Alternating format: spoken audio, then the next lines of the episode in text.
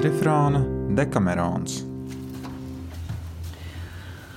Dažādu būkšķu un uh, urpšanas pavadījumā 4. diena, 1. novela.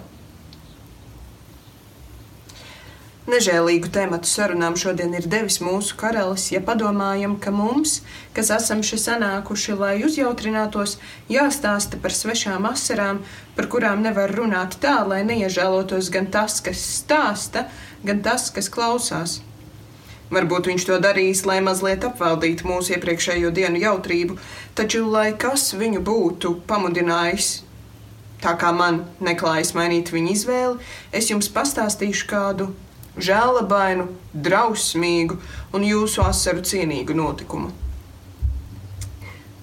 Tankrēdī Salerno Firsts būtu bijis ļoti cilvēcisks un labsirdīgs cilvēks, ja savās vecumdienās nebūtu aptraipījis rokas ar mīlētāju asinīm.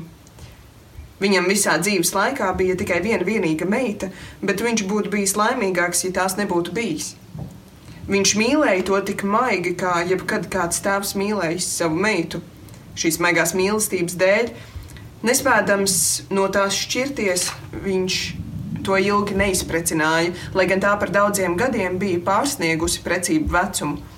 Kamēr beidzot tomēr atdeva to par sievu vienam no kapos hercoga dēliem. Bet nodzīvojusi ar vīru tikai neilgu laiku, tā kļuva atraitne un atgriezās pie tēva jaunā atraitne bija tik daļa pēc auguma un pēc vaiga, kāda neviena sieviete nekad nav bijusi. Un jauna, drosmīga un gudra, varbūt gudrāka nekā sievietei pieklātos būt. Un tā dzīvojot pie tēva, kas viņu tik ļoti mīlēja, lielā greznībā, kā jau augstdzimusi dāma, un redzēdama, ka tēvs lielās mīlestības dēļ visai maz rūpējās, lai viņu atkal izprecinātu, Un tā, ka viņai likās nepieklājīgi tēvam par to vēlreiz atgādināt, viņa nolēma, ja iespējams, slepeni pagādāt sev cienīgu mīļāko. Un tā viņa sāka vērot daudzus vīriešus, kas apmeklēja tēva galmu, gan dišciltīgos, gan pārējos, kādus mēs redzam galmos. Un kad viņa bija pavērojusi to izturēšanos un paražas, viņai iepatikās kāds jauneklis tēva kalpotājs vārdā Gviskardo. No ļoti zemes kārtas, bet tikumos un paražās tik dišciltīgs, dišciltīgāks par jebkuru citu. Bieži ar to redzēdamās viņa klusībā kaislīgi tajā iemīlējās un ar katru brīdi vairāk iejūsminājās par tā tikumiem. Un jaunēklis, kurš arī nebija mazāk attapīgs, to pamanījis, tik ļoti ieņēma viņu savā sirdī, ka izmeta no prāta gandrīz visu citu, tikai ne mīlestību uz viņu. Un tā, nu, kamēr viņi slepeni mīlēja viens otru, jaunā dāma neko tik ļoti nevēlējās, kā būt kopā ar savu iemīļoto. Un tāpēc, negribēdama šo mīlestību nevienam uzticēt, viņa izdomāja pavisam jaunu viltību, lai paziņotu mīļotajam satikšanās iespēju. Viņa uzrakstīja vēstuli, kurā norādīja, ka tam nāko, kas tam nākošajā dienā darāms, lai satiktos ar viņu. Un pēc tam ielikusi vēstuli Niedras stiebrā, viņa jokojot sniedza to Gviskvardo, teikdama, no tās tu šovakar vari iztaisīt pūšamo caurulīti, ar ko tavai kalponai uzpūst uguni. Gviskārdo paņēma niedri un nojausdams, ka dāma bez iemesla nevar būt to viņam devusi un tā runājusi, tūliņ atgriezās ar to savās mājās, kur apskatījis niedri un uzgājis plaisu, atvēra to un atrada iekšā dāmas vēstuli. To izlasījis un labi sapratis, kas viņam jādara, viņš kļuva par vislaimīgāko cilvēku, kāds jebkad bijis, un sāka gatavoties, lai dotos pie dāmas norādītajā veidā. Blakus Firsta pilī kalnā bija ala. Izcirsta kopš senseniem laikiem, kurā ieplūda mazliet gaismas pa mākslīgi ierīkotu spraugu, un šo spraugu gandrīz aizsedza pāri augošie ērkšķi, krūmi un zāle, jo ala bija tikpat kā pamesta. Alā varēja nokļūt pa slepenām kāpnēm no vienas pilsapakšējā stāva istabas, kuru apdzīvoja dāma, kaut ieeja bija noslēgta ar ļoti stiprām durvīm. Visi par, šīs, um, par, š, par šīm kāpnēm bija pilnīgi aizmirsuši, jo tās netika lietotas kopš seniem laikiem. Tā ka gandrīz neviens neatcerējās, ka tādas šeit būtu bijušas. Bet Amors, kura skatienam neviena lieta nav tik apslēpta, lai netaptu ieraudzīta, lika par tām iedomāties mīlētājai, un, lai neviens neko nevarētu nojaust, viņa daudzas dienas nopūlējās ar dažādiem rīkiem, kādus vien varēja sadabūt, līdz izdevās durvis atvērt. Pēc tam, kad viņa tās bija atvērusi un gluži viena nokāpusi alā un ieraudzījusi spraugu, viņa aizsūtīja Gviskārdo ziņu, lai viņš papūlis iekļūtu alā, turklāt minēja augstumu, kāds varētu būt no spraugas līdz zemē. Šā plāna izpildīšanai Gviskārdo nekavējoties sagatavoja virvi ar visādiem mezgliem un cilpām, lai pa to būtu iespējams nokāpt un apģērbi sādas kamzoli, kam vajadzēja viņu aizsargāt no ērkšķiem. Neteikdams nevienam ne vārda, viņš nākošajā naktī devās uz spraugu un labi piestiprinājis vienu virves galu pie stipra stumbra spraugas malā, nolaidās pa virvi alā un gaidīja dāmu. Dāma jau nākamajā dienā izlikdamās, ka grib atdusēties, aizsūtīja prom savas biedrenes, un viena pati ieslēgusies istabā, atvēra durvis, nokāpa alā, kur atrada Gviskārdo, un abi sveica viens otru ar bezgalu lielu prieku. Un tāpēc, un pēc tam abi kopā atgriezušies dāmas istabā, viņi vislielākajā līksmē pavadīja lielu daļu no šīs dienas. Un kad viņi bija vienojušies, kā turpmāk piesardzīgi rīkoties, lai viņu mīlestība paliktu apslēpta, Gviskārdo atgriezās salā un dāma, aizslēgusi durvis, izgāja pie saviem biedriem. Vēlāk, naktī iestājoties Gviskārdo, uzrāpās pa virvi, izlīda caur spraugu, pa kuru bija ienācis, un devās uz mājām. Iepazinis šo ceļu, viņš vēlāk bieži pa to atgriezās. Bet liktenis, kam skauda Tik ilgstošs un tik liels prieks ar sāpju pilnu notikumu pārvērta abu mīlētāju svētlaimi rūktās asarās. Tā krēdī bija paradis reizēm viens atnākt uz meitas istabu, šeit pakavēties, mazliet parunāties ar to un atkal aiziet. Un kādu dienu pēc pusdienas, kad jaunā dāma vārdā Gizmonda ar visām savām biedrenēm atradās dārzā, viņš nokāpa lejā un iegāja meitas istabā, nevienam neredzot, nedzirdot. Un negribēdams atraut meitu no izprieces, viņš atrastams istabas logus aizvērtus un gultas aizkarus nolaistus, apsēdās uz kāda soliņa kaktā pie gultas, atspiedis galvu pret gultu un uzvilcis sev virsū aizkaru, itin kā kad ar nodomu būtu gribējis paslēpties. Viņš iemiga. Un kamēr viņš tā gulēja, Gizmonda, kas par nelaimi tajā dienā bija likusi atnākt Viskardo, atstājusi savas biedrenes dārzā, klusu atgriezās istabā un to aizslēgusi, nepamanot, ka kāds šeit ir, atvēra durvis Viskardo, kas viņu jau gaidīja. Un abi kā paraduši likās gultā, un kamēr viņi tur savā starpā jokojās un kaitējās, atgadījās, ka Tankrēdī uzmodās un dzirdēja un redzēja visu, ko darīja Viskārdo un Neita. Ārkārtīgi apbēdināts viņš vispirms gribēja abus apsaukt, bet tad nolēma klusēt, ja iespējams. Nerādīties, lai piesardzīgākā kārtā ar sevi mazāk, arī sevi mazāk apkaunojot, izdarītu to, ko prātā jau bija nodomājis. Abi mīlētāji pa paradumam palika kopā labu brīdi nepamanot Tankrēdī. Un, kad tiem šķita pienācis laiks, tie piecēlās no gultas. Gviskārdo atgriezās salā un Gizmonda izgāja no istabas.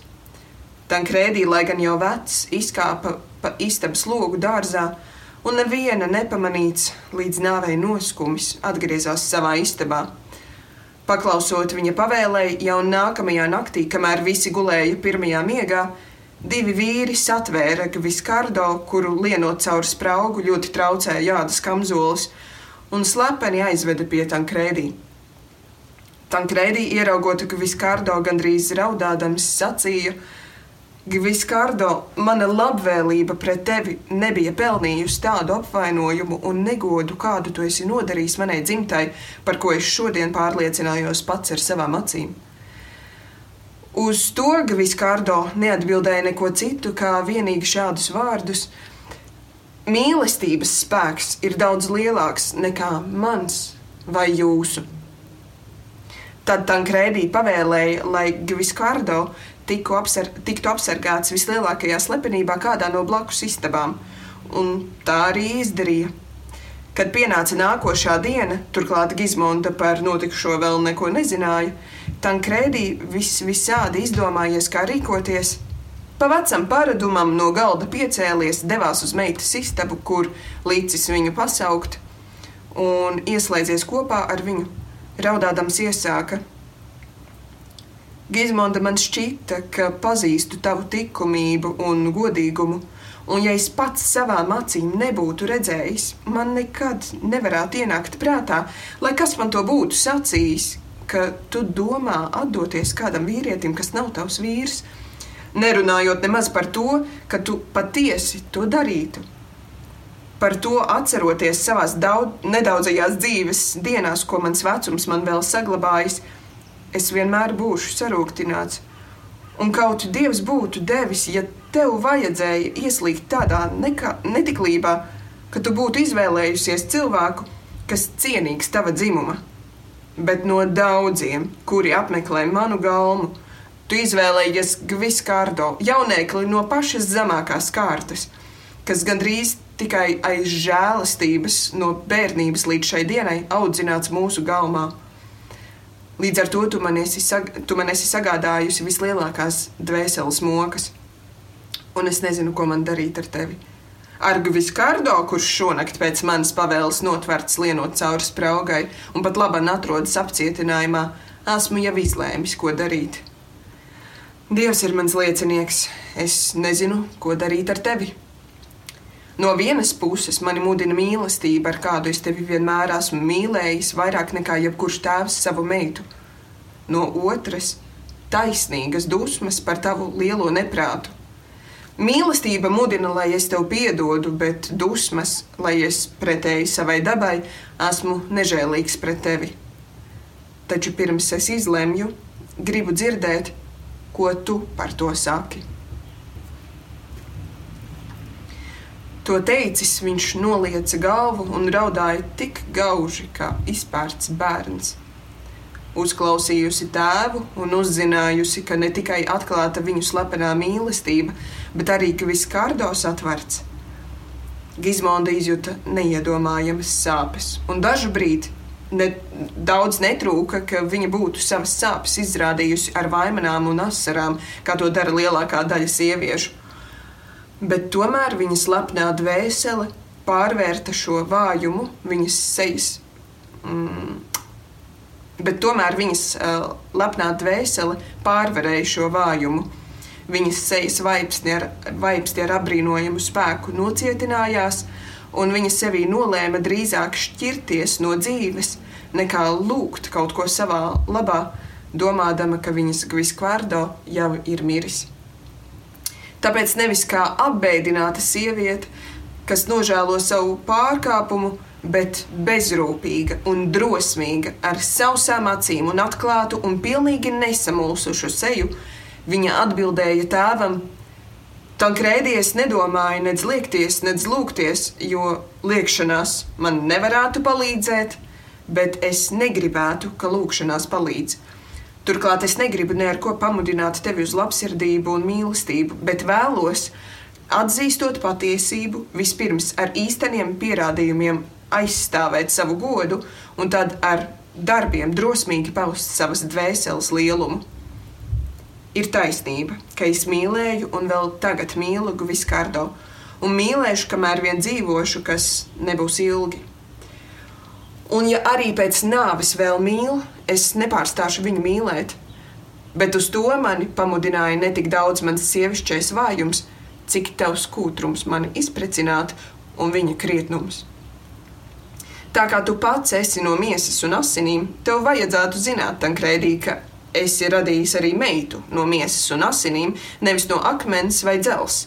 Un tev vajadzēja, un vēl tagad vajag atcerēties, lai gan tu jau esi vecs, kādi ir jaunības likumi un kāds tiem spēks. Un, lai gan tu vīrietis, būdams daļu no savas, saviem labākajiem gadiem, pavadīji ieroču vingrinājumos, tev nemazāk vajadzēja apjaust, uz ko dīka un bezrūpīga dzīve pavedina sirmgāvjus un kur nu vēl jauniešus. Tātad es, dzimusi no tevis, esmu miesu un asinīm, un tik maz dzīvojusi, ka esmu vēl jauna. Un kā viena tā otra iemesla dēļ, es biju pakļauta jutekliskai iekārai, kam apbrīnojamu spēku piešķīra tas, ka es, reiz izdota pie vīra, biju jau uzzinājusi, cik liela bauda ir apmierināt šādu iekāri. Un, būdama jauna, turklāt sieviete, es nespēju pretoties kaislas varai un nolēmu tai sakot, uz kurien tā mani vilka, un iemīlējos. Un patiesi, es izlietoju visus savus spēkus, censdamās aizkavēt, lai no tā, uz ko mani skubināja iedzimts grēks, neizceltos negods ne tev, ne man. Šai ziņā līdzcietīgais amors un labēlīgais liktenis atrada un parādīja man visai slepenu ceļu, lai nevienam neredzot, es piepildītu savas vēlēšanās. Taču, lai kas tev to būtu parādījis, vai kā tu to būtu uzzinājis, es neko nenoliedzu. Gviskārdo es nepaņēmu nejauši, kā to daudzas dara, bet pēc rūpīgām pārdomām izvēlējos viņu no daudziem citiem, ar piesardzīgu apdomību ievedu pie sevis, un ar saprātīgu neatlaidību mēs ilgi guvām prieku, piepildot savu vēlēšanos.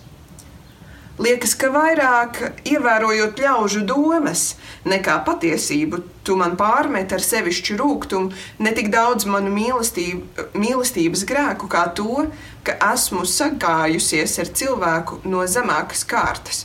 Itin kā ka tev nebūtu bijis jāuztraucas, ja es šim nolūkam būtu izvēlējusies dišciltīgāku vīrieti. Turklāt tu nepamani, ka nosodi nevis manu, bet likteņa vainu, jo liktenis bieži paaugstina necienīgos, pazeminot pašus cienījamākos. Bet atstāsim pagaidām to un ielūkosimies lietu būtībā.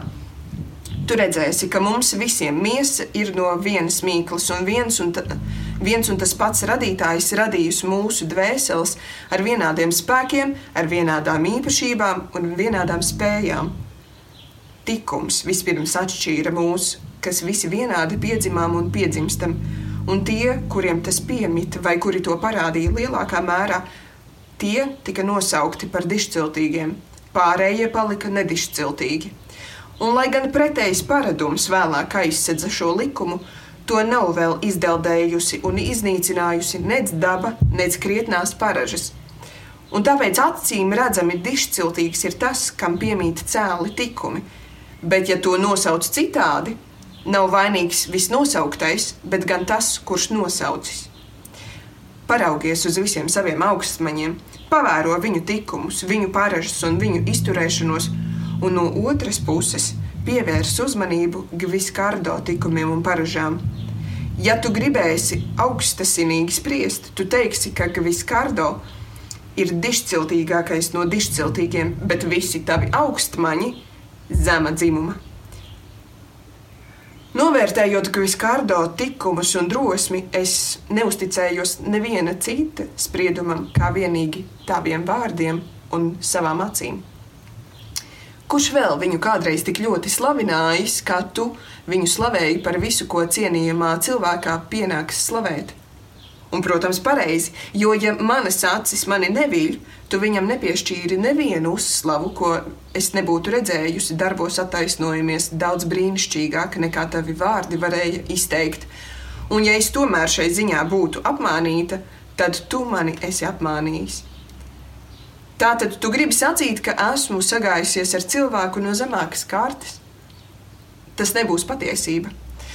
Taču, ja tu viņu varbūt nosauktu par nabagu, To varētu uzskatīt vienīgi par apkaunojumu tev, ka tu savam kalpam, krietnam cilvēkam, esi pratis sagādāt tikai tādu stāvokli. Taču nabadzība nevienam neatņem disciltību, bet drīzāk gan manta. Daudzi karaļi un lieli valdnieki kādreiz ir bijuši nabadzīgi, un daudzi no tiem, kas ar zemi un gana aitas kādreiz bijuši, un arī tagad ir ļoti bagāti. Savas pēdējās šaubas, ko tu pieminēji, proti, ka tu nezinot, ko tev vajadzētu ar mani darīt, aizdzen pilnīgi no sevis. Ja tu esi nodomājis sirmā vecumā izturēties tā, kā nemēdzi izturēties jauns būdams, tas ir, ja gribi rīkoties nežēlīgi. Nu, tad esi nežēlīgs pret mani, kas pirmā esmu vainojama šai grēkā, ja tas vispār ir grēks, jo es neesmu nodomājusi ne mazākajā mērā tevi lūgties savā labā. Un tāpēc es tev saku, ja tu ar mani nedarīsi to pašu, ko esi darījis vai darījis ar Viskardo, tad manas pašas rokas to izdarīs. Tagad ej un iz, izlai savus asaras kopā ar sievietēm un nocietinādams savu sirdi nogalini mūs abus ar vienu sitienu, ja tev liekas, ka esam to pelnījuši. Firsts gan iepazina savas meitas gara diženumu, tomēr neticēja, ka viņa tik cieši apņēmusies izdarīt to, ko pauda vārdos. Tāpēc aizgājis no meitas un atmetis nodomu kaut kādā veidā izrādīt tai savu nežēlību, viņš nolēma ar citiem zaudējumiem atvēsināt tās kvēlo mīlestību un pavēlēja diviem sargiem, kas Gviskārdo apsargāja, klusiņām nošņaukt nelaimīgo, izraut tam sirdi un atnest viņam.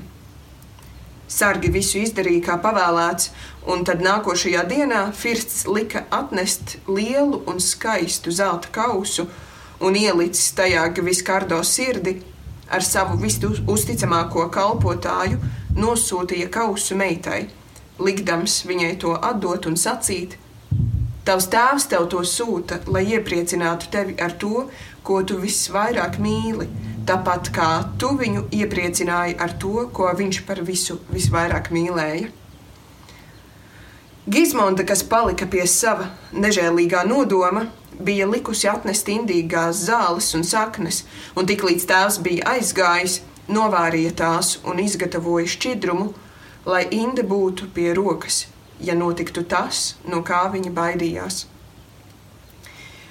Kad pie viņas atnāca kalpotājs ar dāvanu un pavēstīja firsta vārdus, viņa ar apņēmīgu seju satvēra kausu un to atsedza, un tūlīt ieraudzījusi sirdi un, un sapratusi vārdus, bija pilnīgi pārliecināta, ka tā ir Gviskārdo sirds.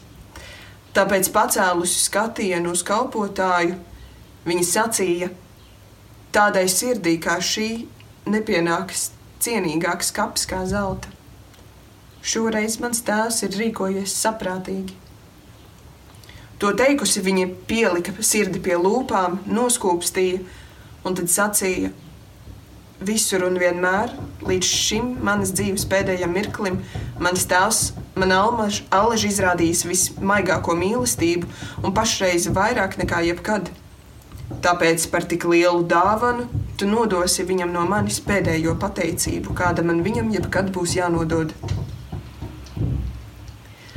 To teikusi, viņa pievērsās kausam, kuru turēja cieši rokās, un uzlūkojot sirdi sacīja: Ai, visu manu prieku, visjaukākais mājoklis, lai nolādētu tā cilvēka nežēlība, kas man tevi liek skatīt ar miesīgām acīm. Man pilnīgi pietiktu ik brīdi tevī raudzīties ar gara acīm. Tu esi beidzis savas gaitas un piepildījis to, ko liktenis tev bija lēmis. Tu esi sasniedzis mērķi, uz kuru katrs steidzas. Tu esi atstājis pasaules bēdas un rūpes, un no sava paša ienaidnieka saņēmis kapu, kādu tavs krietnums pelnījis. Nekā netrūks, lai tevi pilnīgi apbedītu, kā vienīgi tās sievietes asaru, kuru tu dzīves būdams tik ļoti mīlēji. Lai tev būtu arī šīs asaras, Dievs deva man, tie, Dievs deva manam cietsirdīgajam tēvam tādu prātu, ka viņš man atsūtīja tavu sirdi, un es tev došu savas asaras, kaut bija nolēmusi mirt ar sausām acīm un šausmu neizķēmotu vaigu. Atdevusi tev savas asaras, es bez mazākās kavēšanās darīšu tā, lai ar tavu palīdzību mana dvēsele, ko tu kādreiz tik rūpīgi glabāji, savienotos ar tavējo. Un kas gan būtu man labāks pavadonis par tavu dvēseli, lai es mierīga un droša varētu doties pa nezināmiem ceļiem? Es droši ticu, ka tā vēl ir šeit pat un noraugās uz mūsu, uz savu un manu prieku vietām. Un tā kā es esmu pārliecināta, ka tā mani mīl, tad zinu, tā gaida manu dvēseli, kas to mīlējusi vairāk par visu pasaulē. Un tā runājusi, viņa bez jebkādām sievišķīgām vaimanām noliecās pār kausu un neskaitāmas reizes skūpstīdama mirušā sirdi, sāka tik nevaldāmi raudāt, ka bija, bija dīvaini to redzēt. Likās, ka viņai galvā būtu asaru avots. Viņas biedrenes, kas turpat stāvēja, nesaprata, kam pieder šī sirds un ko, nozē, ko nozīmē dāmas vārdi bet līdzjūtības pārņemtas viņas visas raudāja un līdzcietīgi, taču veltīgi taujāja pēc viņas žēlabu iemesla, un vēl jau vairāk centās viņu mierināt, cik labi prata un spēja. Bet Gizmonda, kad viņai jau šķita gan raudāts, pacēlusi galvu un noslaucījusi acis, sacīja: Ak, bezgala mīļotā sirds!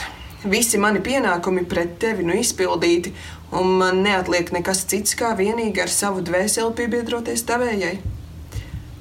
To teikusi, viņa lika sev padot krūzi ar sazāļoto ūdeni, ko vakar bija pagatavojusi, ielēja to kausā, kur atradās sirds, slacīta ar viņas daudzajām asarām.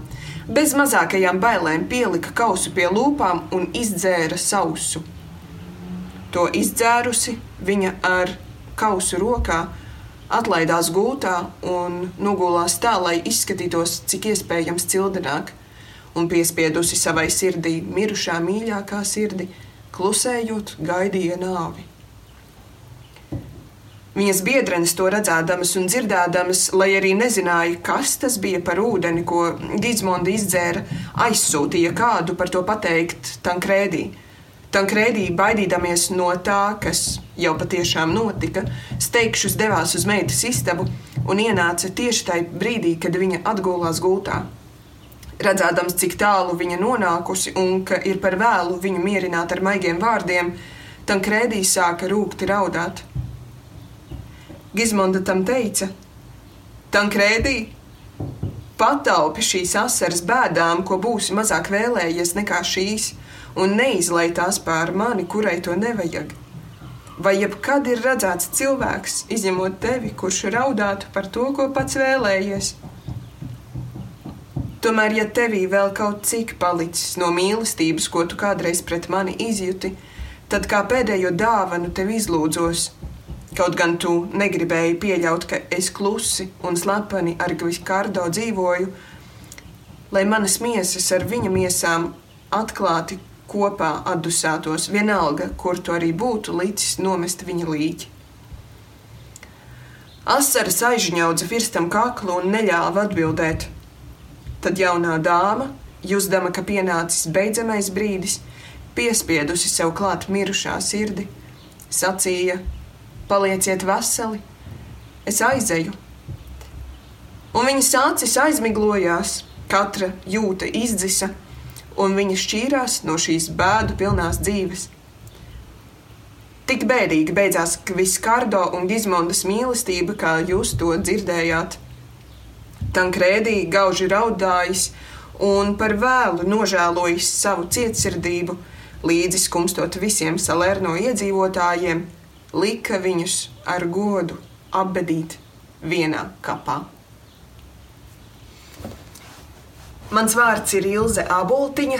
Es esmu aktrise un eh, dažādu citādu darbiņu darītāja. Un mums visiem šobrīd es novēlu pacietību un izturību. Tādēļ, ka tās ir tās divas lietas, kuras, manuprāt, mums šobrīd ļoti, ļoti noderētu. Nu, kaut kā tā.